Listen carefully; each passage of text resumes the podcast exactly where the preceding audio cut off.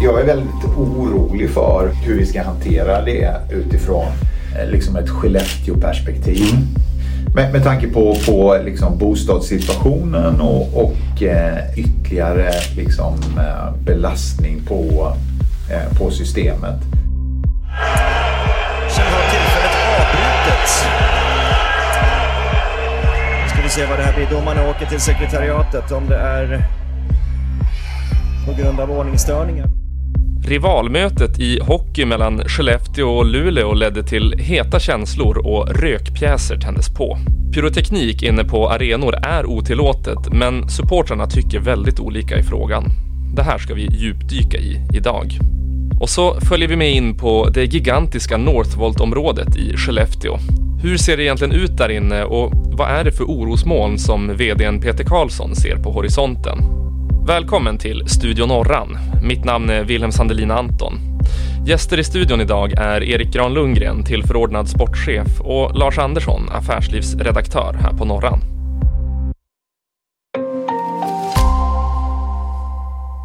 Ja, i helgen var det alltså rivalmöte mellan Skellefteå AIK och Luleå i Svenska Hockeyligan. Det här har ju kanske inte undgått så många. Så här lät det i TV4 Plays sändning. Ja, men det känns som att den här arenan den kan nästan till självantända för det är två lag eh, med hisklig form. Och, och det är ju möten som eh, brukar kunna vara heta, eller hur Erik Gran Lundgren? Absolut, det är möten som alltid eh, drar uppmärksamheten till sig av olika anledningar och inte minst den här gången när det var stora massor som kom till Skellefteå Kraft Arena från Norrbotten. Jag tror att det var sex bussar med Luleå-fans som besökte Skellefteå under lördagen. Eh, och du var på plats. Eh, skulle du säga att det var extra hett den här gången? Ja, men absolut, jag tycker att det märktes att det var två lag som på senaste tiden har gått bra sportsligt och att det finns en, en stor prestige i de här drabbningarna och när Luleå dessutom valde att komma med så pass mycket supportrar så klart att det vrider upp temperaturen lite extra. Och det inträffade ju en grej där i början på matchen som gjorde att borta stå fick utrymmas tillfälligt. Vad var det som hände egentligen? Eh, det började väl med egentligen att eh, kort in på nedsläpp eh, tänds det en rökpjäs på borta sektionen, eh, vilket har hänt förut när Luleå var på besök och eh, enligt de protokoll som finns så ska då matcharrangören tömma den delen av läktaren för en omvisitering av de personer som har varit i den ytan så att säga. Just det, så de fick gå ut och så fick de visiteras på nytt och eh, de flesta släpptes in igen helt enkelt. Eh, precis, eh, samtliga ska då lämna arenan, få gå ut och det fanns väl synpunkter efteråt från borta supportrar om att det var inte de bästa väderförhållanden för att gå ut kanske i t-shirt eh, i minus 10 en, en lördagkväll. Men så är det. Samtliga ska visiteras om så att inte fler rökpjäser kan tas med in i arenan och kan tändas på nytt då för att, eh, ja men på något sätt, eh, det är ju någonting som inte är tillåtet. Nu ska vi se vad det här blir. Domarna åker till sekretariatet om det är på grund av ordningsstörningar. Vi vill alla ha ett jävla tryck här inne och det älskar vi. Men jag blev ombedd av SHL och säga att vi ska försöka följa ordningsreglerna och lyssna på ordningsvakterna så vi får fortsätta spela. Och, och, det här är ju en, en, kontroversiell grej som väcker mycket engagemang när sådana tänds inne i en ishockeyarena. Det är ju inte första gången en sån sak händer. Varför tror du att det väcker så mycket engagemang? Jag tror väl att eh, först och främst så är det väl en ytterligare en aspekt i att det är inomhus. Eh, att man tänder, eh, liksom, att det blir rökutveckling inomhus. Och vi hade exempel på inför matchen när Luleåsupportrarna marscherade upp till arenan att eh, en person som inte tillhörde Luleå Hockeys supportergäng som eh, fick åka till sjukhus på grund av astmaanfall på grund av röken. Och klart det finns en hälsoaspekt i det. Eh, sällan vill man ha rökutveckling inomhus. Mm. Eh, men fenomenet kom väl från fotbollen skulle jag säga och, och, klart där är man i största möjliga mån utomhus och spelar. Det blir en lite annan aspekt men det, det, det, kommer väl därifrån från de sydeuropeiska och sydamerikanska fotbollskulturerna och sen har det via svensk fotboll kanske tagits in i den svenska hockeyn. Eh, ja, och en av våra reporterkollegor som skrev om just den här incidenten innan matchen då en person fick föras till sjukhus, det är eh, Veronica Åström och så här berättar hon om den rapporteringen. Nej, det var en reporter på Norran, Viktor Svenfeldt, som eh, uppmärksammade en rökutveckling i centrala Skellefteå på väg till derbymatchen på arenan. Och då ringde jag polisen och då visade det sig att det hade varit en rökpjäs av någon variant som hade utlösts eh, på Norra Järnvägsgatan. Och eh, där då en person hade drabbats av röken och fått ett astmaanfall och faktiskt var tvungen att besöka akuten. Nej, det är ju egentligen fruktansvärt att eh, en person har drabba, drabbats av ett astmaanfall utomhus i Skellefteå på grund av det här. Det tycker jag är ändå att man kanske kan tänka sig för att eh, personer är känsliga för rök. Det finns personer som kan drabbas av, av sånt här och att man kanske ska ha det i åtanke också. Ja, men om vi återgår till händelseförloppet då, för då är det ju så att borta sektionen, borta ståsektionen eh, töms och då blir det lite tumult i arenan. Vad är det som händer? Eh, det är väl i samband med tömningen av borta sektionen som det blir irriterat bland de sittplatsbesökare som sitter närmast borta sektionen och det är eh, ska inte, svårt att säga om det är Luleå Hockeysupporter eller om delar av olika supportergrupper eller annat, men det finns då synpunkter på hur den här tömningen går till, eh, vilket gör att det blir eh, ja, men, heta diskussioner mellan ordningspersonal på arenan och eh, besökare, vilket innebär att man tar beslutet att eh, tillfälligt avbryta matchen. Just det, och vad händer efter det? Eh, då väljer man att, eh, som jag förstått det, avvisa ett x antal personer på grund av ordningsstörandet och eh, när detta är gjort så kan man återuppta matchen och eh, pö om pö då återvälkomna eh, supporterna som har stått på ståplatsläktaren efter att de har blivit visiterade.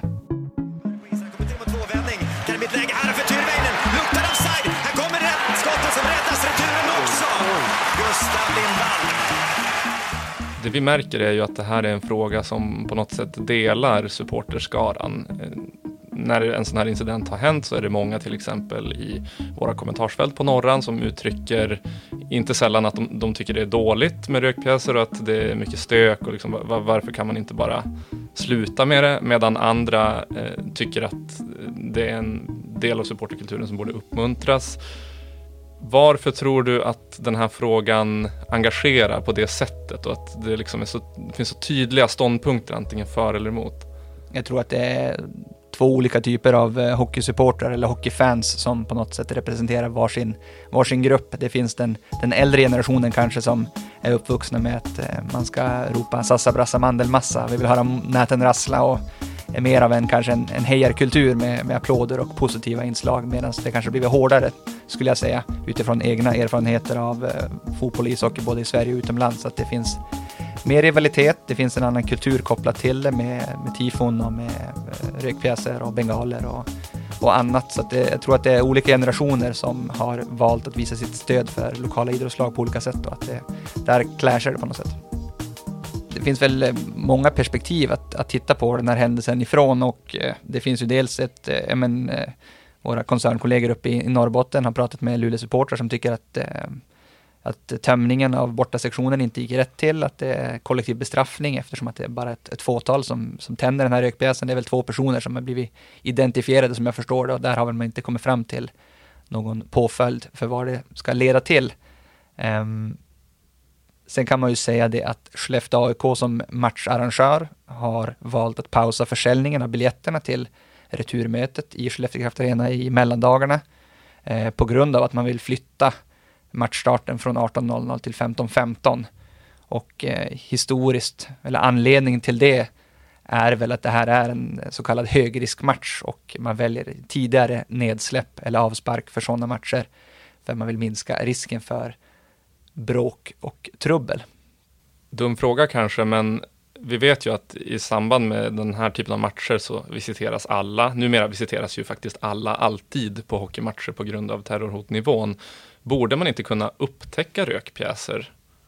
Eh, ja, som du säger, alla visiteras och klart att det eh, Eh, jag vet inte exakt hur den processen går till och vilka det är som utför visitationerna, men i det här fallet så är det 5801 besökare i arenan under matchen. Att, att någon av dem skulle kunna ta in en rökpjäs som är förhållandevis liten, som en knuten näve ungefär. Eh, kan man tänka att det, det är lätt hänt att eh, man missar det på en person och det kan ju räcka en sån här gång för att en rökpjäs ska komma in. Och mig veteligen var det ju aldrig så att en andra rökpjäs varken anträffades eller eh, användes under matchen. Varför väljer då vissa supportrar att tända en rökpjäs här i samband med match? Först och främst får man väl säga att det, det, finns en visuell effekt av det. Att, liksom, att det är häftigt med den gula röken som kommer och sen tror jag väl också att lite grann det handlar om att, att visa att vi är här. Eh, och, och mig veterligen, de gånger det har hänt mellan Skellefteå AIK och Luleå så har det hänt att bortalaget har valt att göra det. Två gånger då Luleå som har gjort det i Skellefteå. Och kanske möjligen är lite grann en, en hälsning att nu är vi här, titta på oss. Eh, Eh, jag är helt säker på att de som tänder de här rökpjäserna vet om att det inte är tillåtet, men man väljer att göra det ändå. Eh, Sen exakt varför är det inte upp till mig att svara på, eh, men absolut tänker jag att det kan finnas någon form av hälsning till hemmapubliken. Ingenting gratis där ute idag. Här är en 3 mot 2 faktiskt för Skellefteå. Oskar Lindberg med sig hugg också, släppande hugg här på läget! Och då är den återigen fem Det var väldigt eh, känslofyllt, men i grund och botten på ett bra sätt. Det är så det brukar vara när de här lagen möts. Så det, det är eh, absolut att det förekommer liksom hån och till viss del hat eh, riktat mot eh, rivaliserande lag, men det är väl egentligen när tömningen när det kommer personer från andra delar av läktarna som har synpunkter på tömningen som det kanske uppstår en, en stämning där man uppfattar den som mer fientlig, att det finns, eh, det, det blir ganska hetsk stämning mellan ordningspersonal och eh, tillskyndande borta supportrar. Och klart att eh, där och då så märker man ju att det, det, finns, det är irriterat men inte så att man känner att det, liksom, att det blir farligt eller någon otrygg känsla utan jag tänker att det är väldigt sådär komprimerat till de som är inblandade i just den skärmytslingen och den situationen. Tack så mycket Erik Gran Lundgren. Tack så mycket. När Mario Kempes mål räcker. Ja, det är... Och med mig i studion nu har jag Lars Andersson, affärslivsredaktör här på Norran. Välkommen! Tack! Du, du och jag var ju faktiskt ute på ett eh, ganska eh, spännande jobb här nyligen. Ja, vi var och träffade Peder Karlsson, VD för Northvolt, ute på Northvolt 1. Vi har en egentligen årlig intervju med honom som alltid publiceras som det går den 19 oktober. Som är årsdagen sedan då Northvolt presenterade etableringen i Skellefteå 2017. Vi har bestämt oss för att sätta Northvolt 1 i Skellefteå. Eh, tidigare hade vi förmodligen gjort intervjun betydligt närmare entrén. För att eh, de modulhus, modulkontor som har stått nära entrén, de har ju flyttats nu för att ge utrymme för eh, den största byggnaden på Northvolt där de gör markarbetena och grunden nu. Och den heter ju Upstream 2 och bedöms bli 40 000 kvadrat sluten yta. Mm. Det är många fotbollsplaner som man brukar prata om som är liksom, har på något sätt blivit standardmätenheten när man ska förklara hur stort något är. Ja, hur mycket blir det? Om en fotbollsplan är 100 gånger 60 så är det ju fem fotbollsplaner ungefär, eller sex. så att det är rätt stort. Ja. Eh, deras kommunikatör Sanna Bäckström mötte upp oss vid grinden. Och eh, sen åkte vi bil med henne in på området.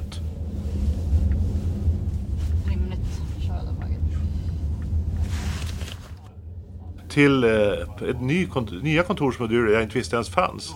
Så där delar av ledningsgruppen har fasta lådor med hjälmar och västar så att de gör besök eh, i Skellefteå så har de eget där till exempel en doldis som heter Alexander Hartman som är koncernekonomichef. Eh, Men det, det, visar också intresset för Skellefteå att koncernledningen i stort sett har egna fasta utrymmen det betyder ju också att de är där väldigt mycket. Annars skulle man ju bara lösa, lösa problemet. Men nu finns det egna grejer. Mm.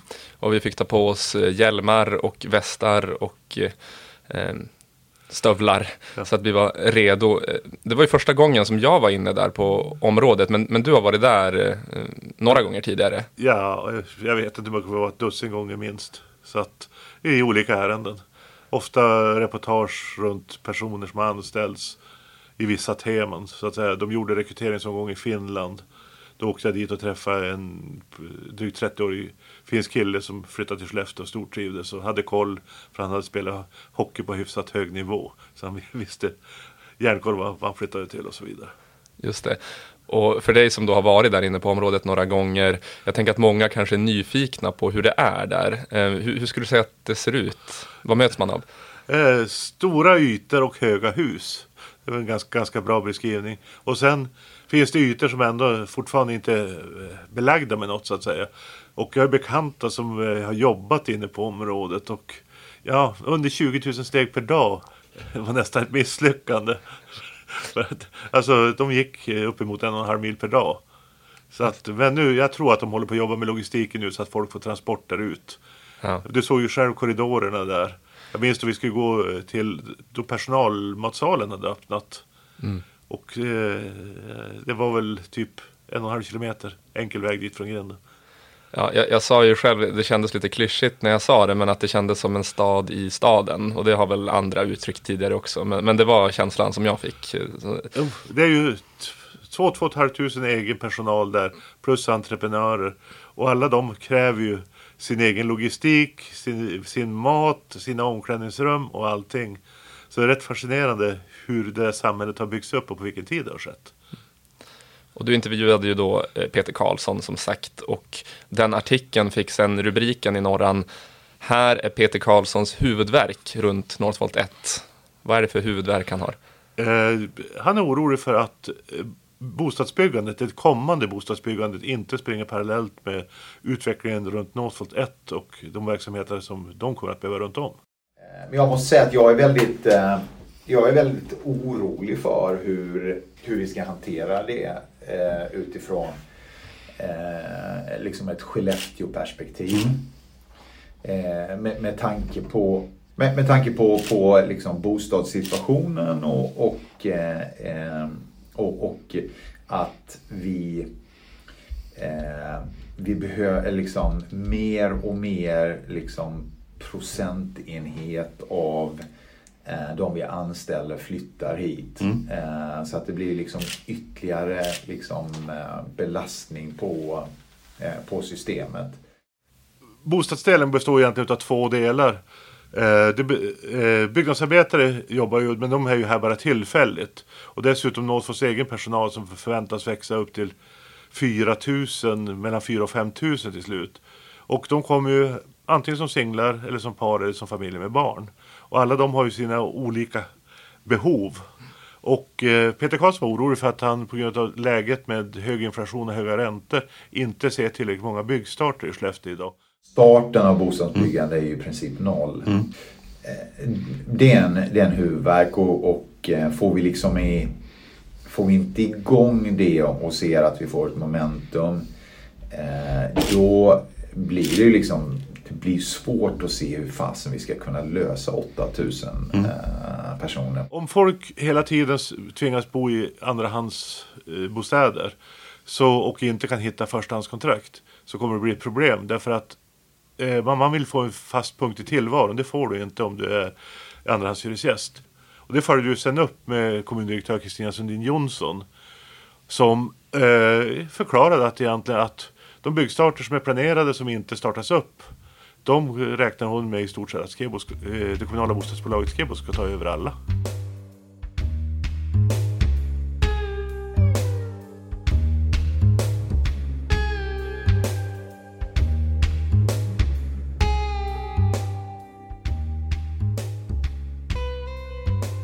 Jag såg en del kommentarer som var i stil med att dels att men det här borde väl Northvolt ha kunnat förutse att det skulle bli så här och när, Boliden etablerade sig då tog de minsann ansvar för hela eh, samhällsbygget och byggde bostäder och badhus och skolor och allt vad det var. Att det, varför gör inte Northvolt det då? Ja, men eh, det var ganska länge sedan. Det var säg 70-80 år sedan Boliden. Laver var väl ett sånt samhälle på 40-talet utanför Älvsbyn. Mm. Den gruvan som nu är nedlagd där. Men eh, idag, Northvolt håller alltså på att bygga, inte bara en fabrik. De bygger tre egna fabriker i, i eh, Skellefteå, i Heide i Tyskland och utanför Montreal i Kanada. Dessutom har de samverkansprojektet Novo med eh, Volvo utanför Göteborg och därtill den just nu pausade anodfabriken i Kvarnsveden i Dalarna. Så att jag tror att skulle de lägga, läggas på ytterligare det är ju inget, inget annat företag som läggs på ytterligare ansvar. Utan det var ju en tradition av brukssamhällen. Och de finns ju inte kvar längre. Vi har inte byggt ett nytt brukssamhälle i Sverige på oändlig tid ska jag tro. Ja, Lars, du är ju den reporter i Sverige som har skrivit mest om Northvolt. Ja, det var Northvolt själva påstått vid något tillfälle. Ta oss tillbaka då några år bakåt i tiden. Vi förflyttade oss till 2017. 2016 hade knappt någon hört talas om Peter Karlsson eller Northvolt eller någonting. Men Northvolt gjorde ju en pitch mot 40 svenska kommuner där våren 2017 och Skellefteå var inte en av dem. Utan var slumpen som gjorde att eh, nuvarande näringslivschefen Anja Palm kom in och förstod att det här var något på gång så att Skellefteå kunde lämna in en ansökan. Och sen tog det ju rejäl fart där och Peter Karlsson gjorde första besöket i Skellefteå minns jag någon gång på vår sommarkanten. Och det var första gången så att säga man sprang på honom fysiskt. Och det fortsatte ju sen och det intressanta var väl det som hände i Almedalen 2017. Då Northvolt berättade att det återstod bara två orter. Eh, Skellefteå och Västerås. Så att pitchen hade gått från 40 till 2. Och i efterhand har jag pratat med dåvarande chef, eh, vd för Skellefteå Kraft, Hans Kreisel. Och frågat hur bombus var du på att Skellefteå skulle få fabriken när du visste då? Eh, då, då du hörde det där. Ja men typ 99 procent. För jag visste att eh, Västerås skulle inte kunna leverera elen de behöver med tanke på att de redan då hade ett antal datacenter som skulle upp i området. Just det. Så att eh, han kändes nog ganska trygg om att, att Skellefteå skulle få Northvolt 1. Och tack, eh, grunden till det var bland annat att det fanns färd, uttänkta tomter och det fanns framförallt att det fanns grön energi och dessutom dragna ledningar genom det här området. Mm. Och sen kom då den här omtalade presskonferensen då det tillkännagavs. Jo, med ministrar och allting. 19 oktober 2017, Gamla Brogatan, dåvarande Northvolt-kontoret. Det presenterades och ja, det var ju jubel och klangföreställning för alla. Detta kommer skapa någonstans mellan eh, 2 till 2 500 direkta jobb och en, en mycket, mycket större andel indirekta eh, kopplat till, eh, till den här industrin. Sen tog det egentligen inte fart förrän det var ju miljöprocesser. Och i juni 2018 så fick Northvolt beskedet att det var grönt och dagen efter så började de ta ner träden på området. Så jag vet att jag var dit första dagen de började ta ner träden. Spännande tider att vara affärslivsredaktör på Norran. Ja, men det är väl rätt unikt. Menar, december nästa år är det 100 år sedan Bolidenguldet fanns på Fågelberget och det här är väl en situation som ingen trodde att Skellefteå skulle komma i. Menar, under en 30-årsperiod har Skellefteå minsk, minskat antalet invånare i Skellefteå med 3-4 tusen. Och sen plötsligt så är Skellefteå den kommun norr om Stockholm med största tillväxten och en av Sveriges sju största tillväxtorter. Mm. En intressant konsekvens av den där långa Peter Karlsson-intervjun eh, var att den publicerades på Northern English där Paul Connolly hade översatt den. Och han delade den på LinkedIn. Och sen dess har mellan 10 och 20 internationella personer sökt kontakt med mig via LinkedIn bara för att de har läst artikeln och vet att vi följer Northvolt. Och det är både sådana som är anställda på Northvolt internationellt eller sådana som uppenbarligen följer utvecklingen av Northvolt 1. Och då kan vi passa på att tipsa om vår engelska undersida på norran.se där eh, mycket av vårt eh, material översätts till engelska och eh, det finns också en hel del unikt material på den undersidan. För, alltså ämnat bland annat till den, de personer som flyttar till Skellefteå och som inte har svenska som modersmål. Vi får väl säga fortsättning följer. De definitivt. Man vet ju aldrig, man har inget facit. Utan vi, vi tar det dag för dag. Det kommer garanterat överraska som vi inte har sett. Både positiva och ne negativa. Du har hört Studio Norran. Dagens avsnitt gjordes av mig, Wilhelm Sandelin Anton. Ljuden i avsnittet kommer från TV4 Play och våra egna inspelningar. Och musiken kommer från Epidemic Sound. Avsnittet spelades in onsdag den 25 oktober 2023. Ansvarig utgivare är Malin Kristoffersson. Kom ihåg att följa podden så missar du inga av våra kommande avsnitt. Vi hörs!